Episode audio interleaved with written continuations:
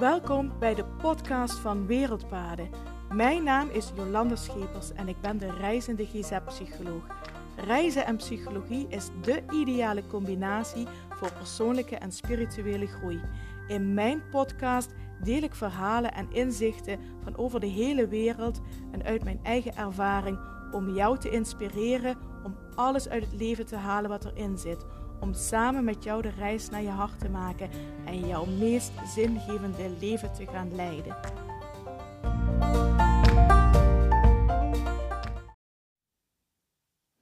Hallo en super fijn dat je wel luistert naar de podcast van Wereldpaden. En dit is de podcast van donderdag 3 februari. En het is 3 februari en dat betekent dat ik precies een jaar geleden de allereerste podcast heb opgenomen.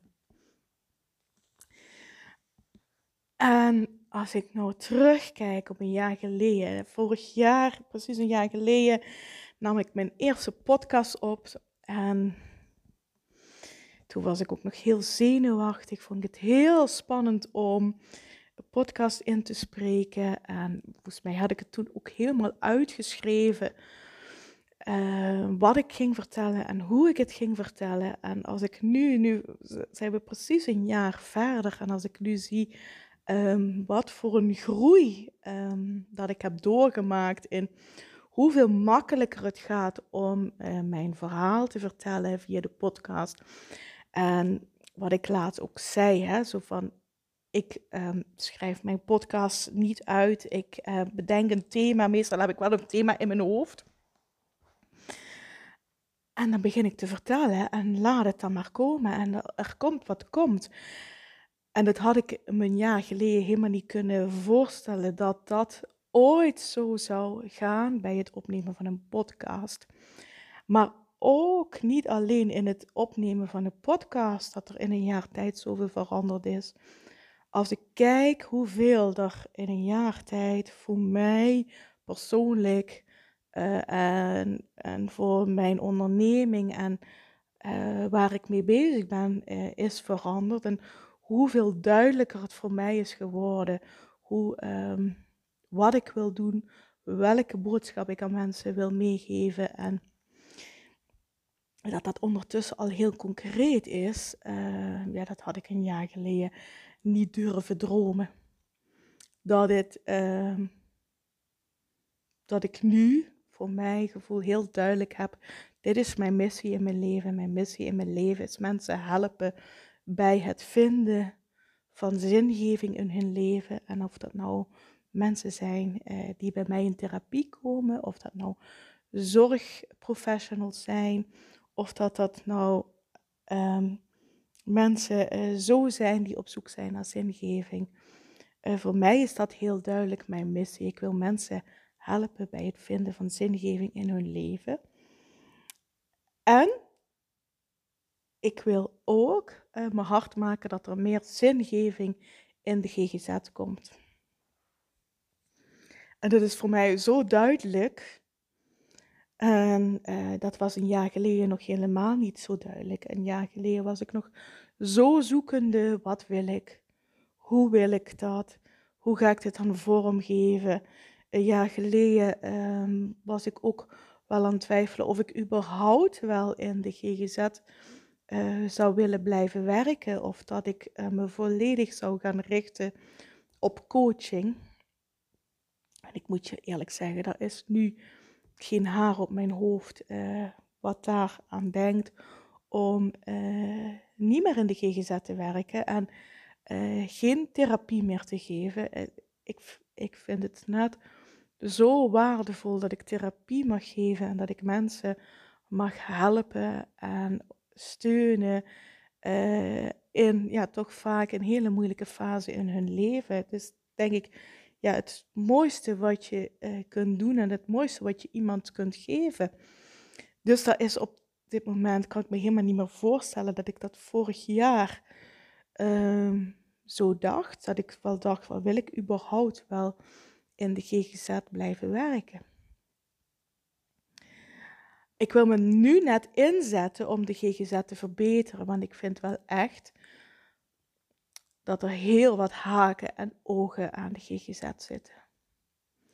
En dan ehm, heb ik het niet alleen maar over het uh, zorgverzekeringsstuk, hoe dat allemaal geregeld is en hoe dat gaat. En hè, dat er nu per 1 januari weer uh, een hele verandering uh, wordt doorgevoerd vanuit de zorgverzekering en vanuit de Nederlandse Zorgautoriteit. Wat allemaal gebracht wordt als vermindering van administratiedruk. En ik weet niet wat voor alle mooie doelen en modellen eraan gekoppeld zijn, maar hè, waar het eigenlijk op gaat lijken dat het toch weer een bezuinigingsmaatregel is. Maar ik heb het ook over het stukje hoe de GGZ in elkaar zit. Uh, die hele um, systematiek van een diagnose stellen. En vanuit die diagnose uh, wordt dan bepaald in welk zorgprogramma iemand terechtkomt en welk behandelprotocol er uh, gegeven wordt. Dat, um, en ik heb het er al vaker in mijn podcast over gehad, dat me dat altijd enorm tegen de borst stuit. En ja, zeg maar eigenlijk dat die eh, GGZ-systematiek ook wel gemaakt heeft dat ik bijna op een punt heb gestaan om uit de GGZ te stappen. En dat ik nu eigenlijk heel erg blij en dankbaar ben dat ik dat niet gedaan heb. En dat ik me nu net eigenlijk heel erg wil gaan inzetten voor een betere GGZ. Want ik denk namelijk dat als er iets uh, moet veranderen in de GGZ, dat die verandering vooral van binnenuit moet komen. Dat die verandering vooral moet komen omdat hulpverleners psychologen, psychiaters, uh, psychiatrisch verpleegkundigen, noem maar op, mensen die in de GGZ werken, uh, dat die aan de bel gaan trekken. En dan wil ik het nog iets breder trekken. Dan wil ik het niet alleen hebben over de GGZ. Dan wil ik ook meteen uh, het hebben over mensen die uh, voor de jeugdwet werken. Want er geldt eigenlijk precies hetzelfde verhaal. En ik zit in beide. Ik zit in de GGZ. Ik zit in de volwassen GGZ, dus ik maak daar alle veranderingen mee. De veranderingen die de zorgverzekering doorvoert, de eisen die de zorgverzekering stelt.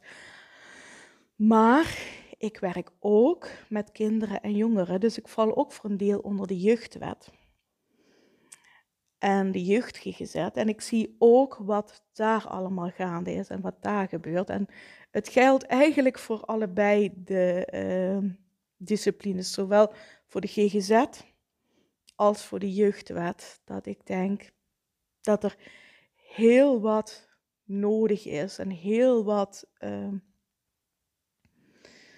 veranderingen noodzakelijk zijn, maar dat die veranderingen moeten komen van mensen die zelf in de, in de GGZ of in de jeugdwet werken. En dat die aan de bel gaan trekken van wat er allemaal gebeurt. Want er gebeurt nogal wat.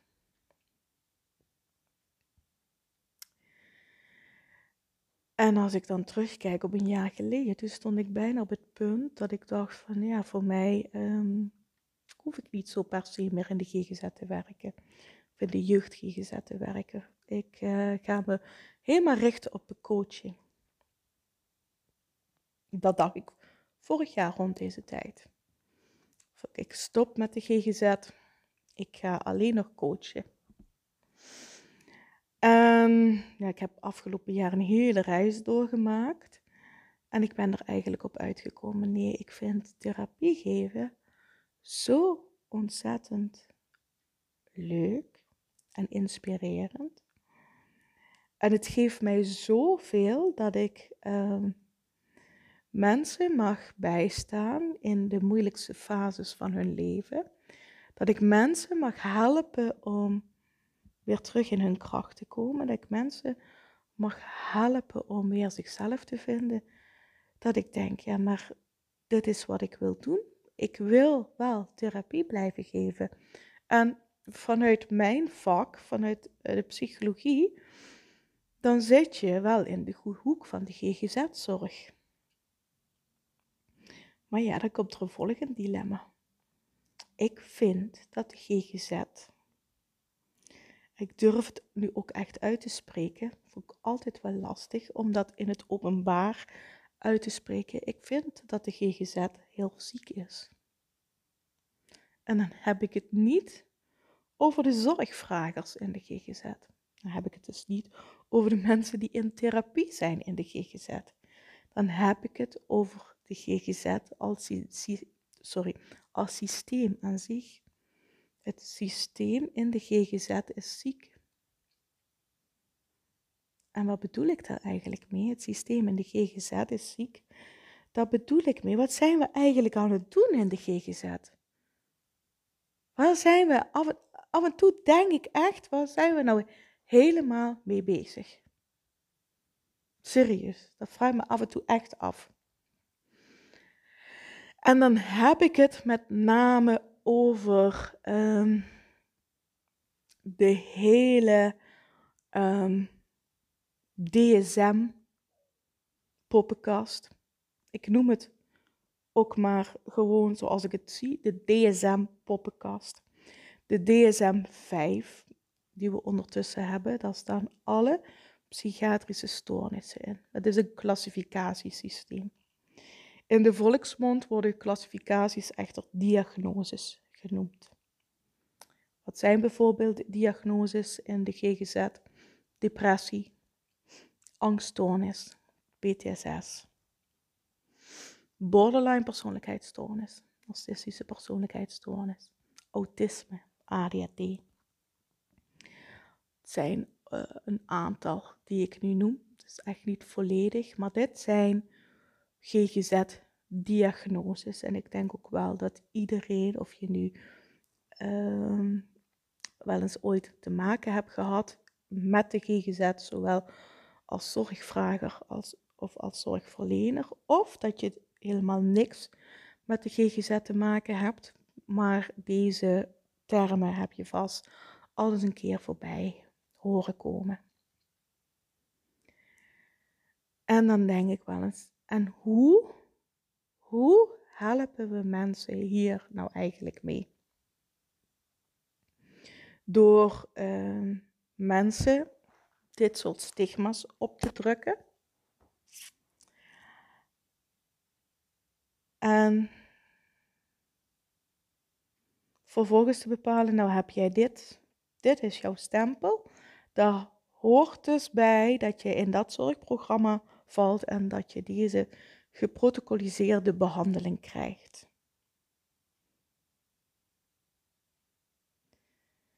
En daar vind ik nogal iets van. Ik vind het op de eerste plaats stigmatiserend.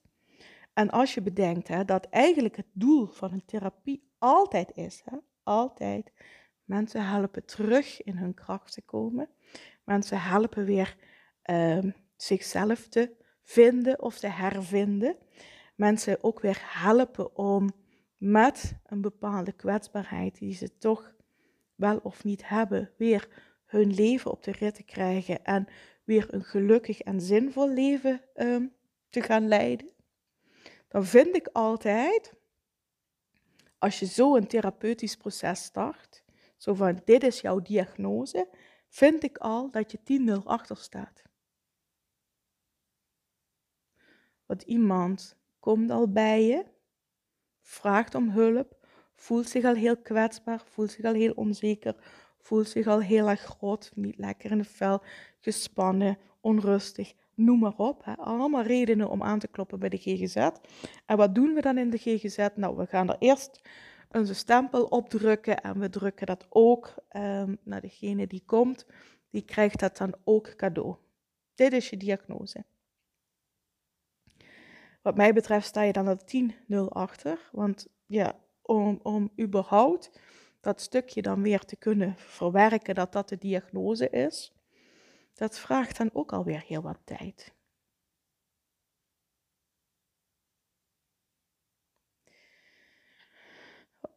Ik hoor wel eens mensen die zeggen, die komen dan voor het eerst bij mij en die zeggen dan, ik heb een borderline persoonlijkheidsstoornis.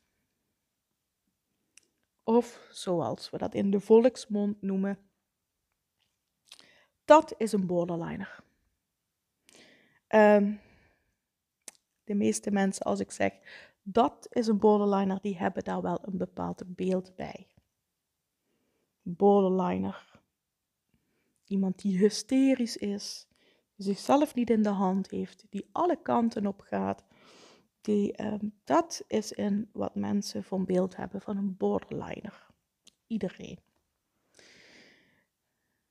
Er komen waar mensen dan bij mij op intekenen en zeggen: ik heb een borderline persoonlijkheidsstoornis, want ik ben daar en daar geweest en die hebben dat gediagnosticeerd. Dat is dan nogal wat als mensen dit te horen krijgen. Want iedereen heeft het beeld bij een borderline persoonlijkheidsstoornis, die we, dat we in de volksmond een borderliner noemen. is iemand die hysterisch is en zichzelf niet in de hand heeft. Nou krijg je dat als boodschap mee. En soms, serieus, ik heb het echt meegemaakt, soms zonder enige uitleg. Want als ik dan vraag aan mensen, goh, en heeft die persoon dan ook uitgelegd wat het betekent, een borderline persoonlijkheidsstoornis? Soms wel, maar soms ook niet. Soms is het dan ook zo dat vervolgens dan hè, het plaatje van bij een borderline persoonlijkheidsstoornis hoort die en die behandeling. En dat dus degene die in therapie uh, kwam zei van ja, maar dat is niet wat ik wil. Dit is niet wat ik nodig heb. Werd meteen ook de behandeling afgesloten. Werd ook gezegd, ja, het is een zorgweigeraar. En uh, werd meteen de, de behandeling afgesloten zonder ook maar enige uitleg verder over wat een borderline persoonlijkheidsstoornis inhoudt, hoe ze überhaupt tot die diagnose zijn gekomen. En ik verzin dit niet, hè. Dit is echt, dit gebeurt echt.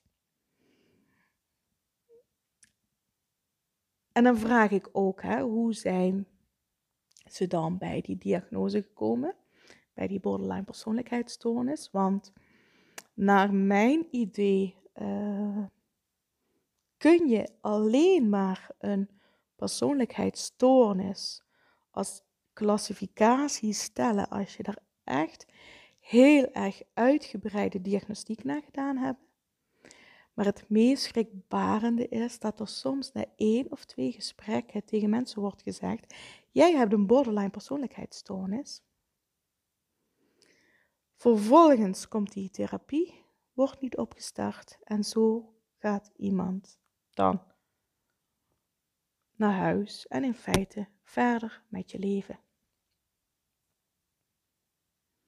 En daar vind ik nogal wat van. Ik vraag ook altijd als iemand komt hè, voor de eerste keer en zegt tegen mij: Ik heb een borderline persoonlijkheidsstoornis, is daar en daar vastgesteld. Zijn dat ook vragen van hoe is dat vastgesteld? En dan vraag ik ook altijd van: Heb je iets aan dat je nu weet dat je een borderline persoonlijkheidsstoornis hebt? Heb je daar iets aan? Sommige mensen zeggen ja, ik vind dat heel fijn. Nou, prima. Dan is dat helemaal goed. Heel veel mensen zeggen echter ja, ik weet het niet hoor. Uh, toen ik toen bij uh, daar aanklopte, bij die GGZ-instelling, ging het ook wel heel slecht met mij. En ja, ik denk dat ik toen ook op dat moment zat ik echt zo diep aan de grond, ja, dat ik denk ik ook wel een beetje op een borderline leek. Maar ik herken me er eigenlijk helemaal niet in. Dan zeg ik altijd, als jij je er niet in herkent, wat heeft die diagnose dan voor waarde? Daarbij is ooit uit onderzoek gebleken dat 50% van de uh, diagnoses binnen de GGZ niet kloppen. Dus stel altijd mensen dan gerust. Ik zeg, nou ja, als je je er zelf niet in herkent, ik zeg 50% binnen, van de diagnoses binnen de GGZ zijn misdiagnoses. Dus hè, voor wat het waard is dan dat die diagnose gesteld is. Misschien mag je het dan ook wel gewoon loslaten. Ik zal nooit zo een behandeling beginnen. Ik zal nooit een behandeling beginnen. Absoluut nooit met jij hebt die en die en die persoonlijkheidsstoornis. Nooit. Denk altijd, wat is dat nou voor meerwaarde?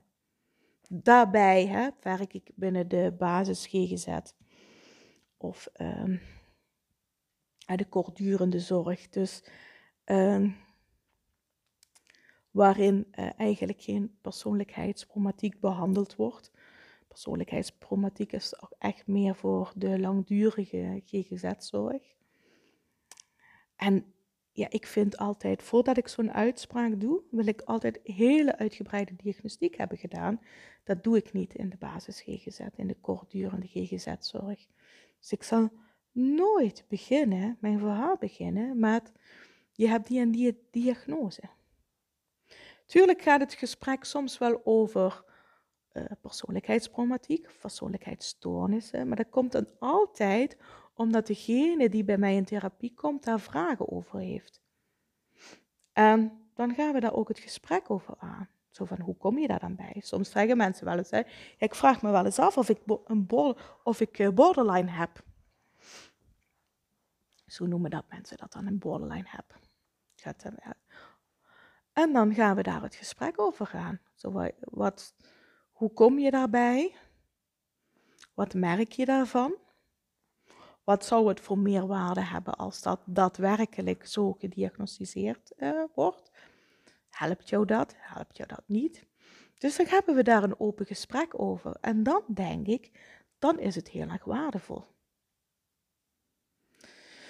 Maar al dat gestempel en al die DSM-5-classificaties, weet je, ik denk altijd, niemand wordt beter van die stempel, die, dit is je diagnose. En uh, nee, laten we het gesprek aangaan. Daarbij, hè, die uh, DSM-5-classificatie is een klassificatie. Je gaat tellen over hoeveel kenmerken iemand van iets heeft. En als het aantal boven de streep komt, dan zeg je er voldoet aan de criteria van de DSM-5. Als iemand daaronder zit, dan zeg je, ja, er zijn kenmerken van, maar voldoet niet aan de criteria van de DSM-5. Dat zijn de officiële termen zoals we eigenlijk in de GGZ zouden moeten praten. En die klassificatie verklaart verder helemaal niks. Verklaart echt helemaal niks. En waar ik vooral in geïnteresseerd is, is hoe iemand hoe die klachten zijn ontstaan, wat er is gebeurd in iemands leven, wat voor patronen iemand heeft, wat voor overtuigingen iemand heeft, wat voor wensen iemand heeft, wat voor dromen iemand heeft, want dat bepaalt de richting van de therapie. En niet van, oh ja, voldoet aan de criteria voor een depressie. En voor een depressie hebben wij uh, in het zorgprogramma uh, Stemming hebben wij het programma Cognitieve Gedragstherapie. En dan krijg je zoveel sessies en dan uh, moet je van je depressie af zijn. En zo werkt het toch helemaal niet. En dat is wat ik bedoel. De GGZ is ziek. Dit systeem is ziek. En dit is ook een ziekmakend systeem voor iedereen die zorg vraagt binnen de GGZ. we beginnen meteen met een stempel. Jij hebt een stoornis. Want in de DSM-5 hebben we het over stoornissen. We hebben het over angststoornissen. We hebben het over depressieve stoornissen. We hebben het over persoonlijkheidsstoornissen. We hebben het over ontwikkelingsstoornissen.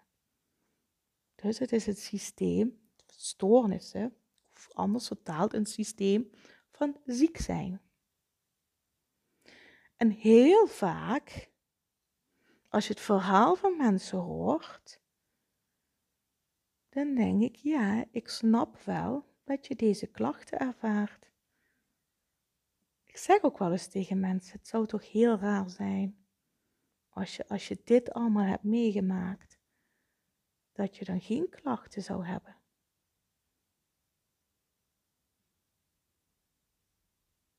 Is toch eigenlijk dan, zou het toch heel raar zijn? Dus waarom praten we in de GGZ altijd over stoornissen? iemand heeft ergens last van en wil van die klachten af. Of wil, hè, soms, en soms kan iemand volledig van klachten afkomen. En soms is het ook een kwestie van uh, leer te leven met die kwetsbaarheid. En hoe krijg je dan, kun je dan weer een gelukkig leven gaan leiden? En ik denk altijd, daar moet de GGZ over gaan. En ik wil me dan ook enorm inzetten en enorm sterk maken om voor een betere, goede GGZ, waar mensen zich ook echt gehoord voelen. Want wat gebeurt er?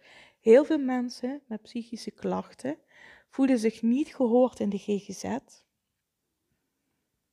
en gaan dan heel begrijpelijk hulp zoeken buiten, de GGZ.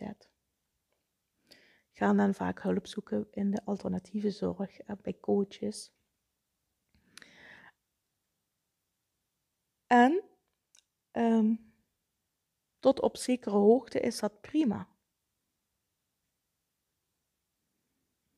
Ik denk dat er ontzettend goede coaches zijn die mensen ontzettend goed kunnen helpen.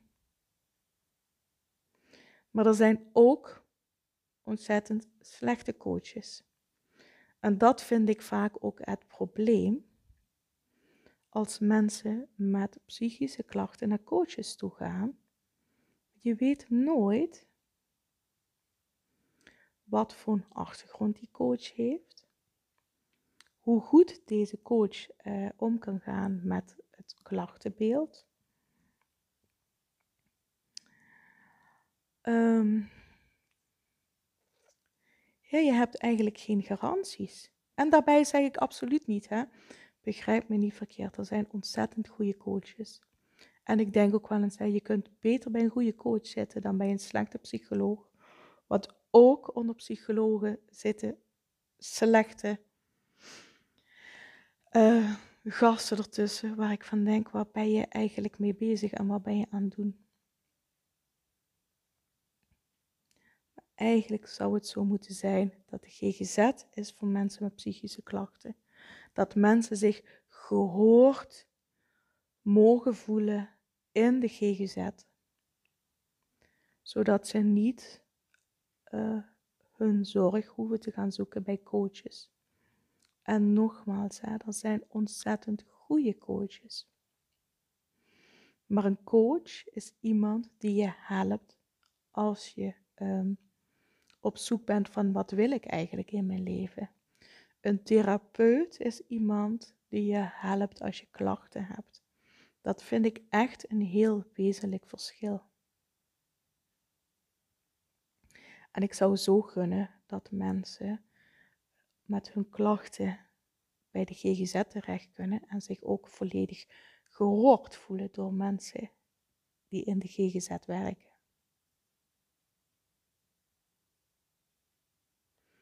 Zodat coaches zich ook echt kunnen richten op waarvoor coaches bedoeld zijn.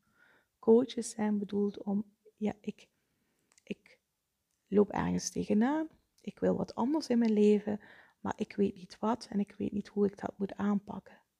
Dat is een coach. En een therapeut gaat echt kijken naar klachten. En hoe kan ik, hoe kun jij weer leren leven met deze klachten? Maar ik snap het volledig, hè? als de GGZ die zo ziek is, het stoot mensen ook ontzettend af. Dus ik snap heel goed dat mensen naar een coach toe gaan om daar een proces te doorlopen. En in heel veel gevallen denk ik ook, dat is ook verder prima. Maar het is alleen jammer dat mensen al heel erg bewust de GGZ om gaan omzeilen. Zou hetzelfde zijn als als je een gebroken been hebt en je zegt ik ga niet naar het ziekenhuis.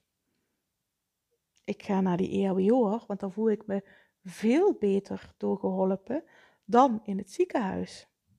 Maar je hoort natuurlijk als je een gebroken been hebt, hoor je natuurlijk naar het ziekenhuis te gaan en hoor je daar ook goede zorg te krijgen. En het zegt helemaal niks over dat die geen, niet goed in zijn werk is. En zo geldt het voor de GGZ hetzelfde. Iemand met psychische klachten zou naar de GGZ moeten gaan en het ook um, zich daar gehoord voelen en zich geholpen voelen en zou niet naar een coach hoeven moeten gaan, hoe goed die coach ook is.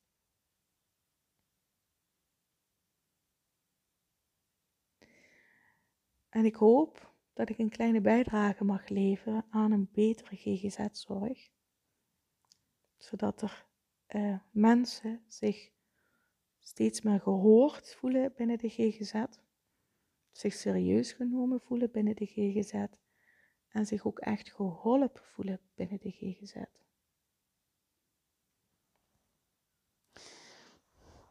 Nou, ik denk dat dat weer een heel verhaal voor vandaag was.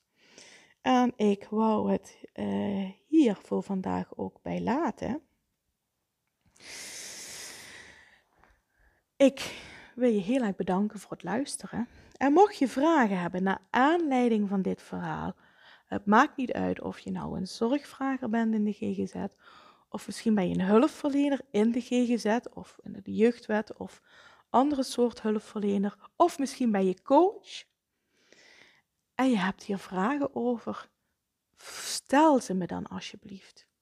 Ik hoor het heel graag. Stuur me een DM via Instagram of een berichtje via Facebook of LinkedIn. Of een mailtje naar info.wereldpaden.nl. Stel me alsjeblieft de vragen die je hebt. Want ik kan me voorstellen, het maakt niet uit uh, vanuit welke discipline dat je luistert. Of je hulpverlener bent, of zorgvrager bent, of coach bent. Ik kan me voorstellen dat deze podcast vragen oproept. En blijf er niet mee lopen, maar stel ze alsjeblieft. Um, dat wou ik zeggen. Dankjewel voor het luisteren. En ik spreek je morgen weer. Fijne dag. Doei doei.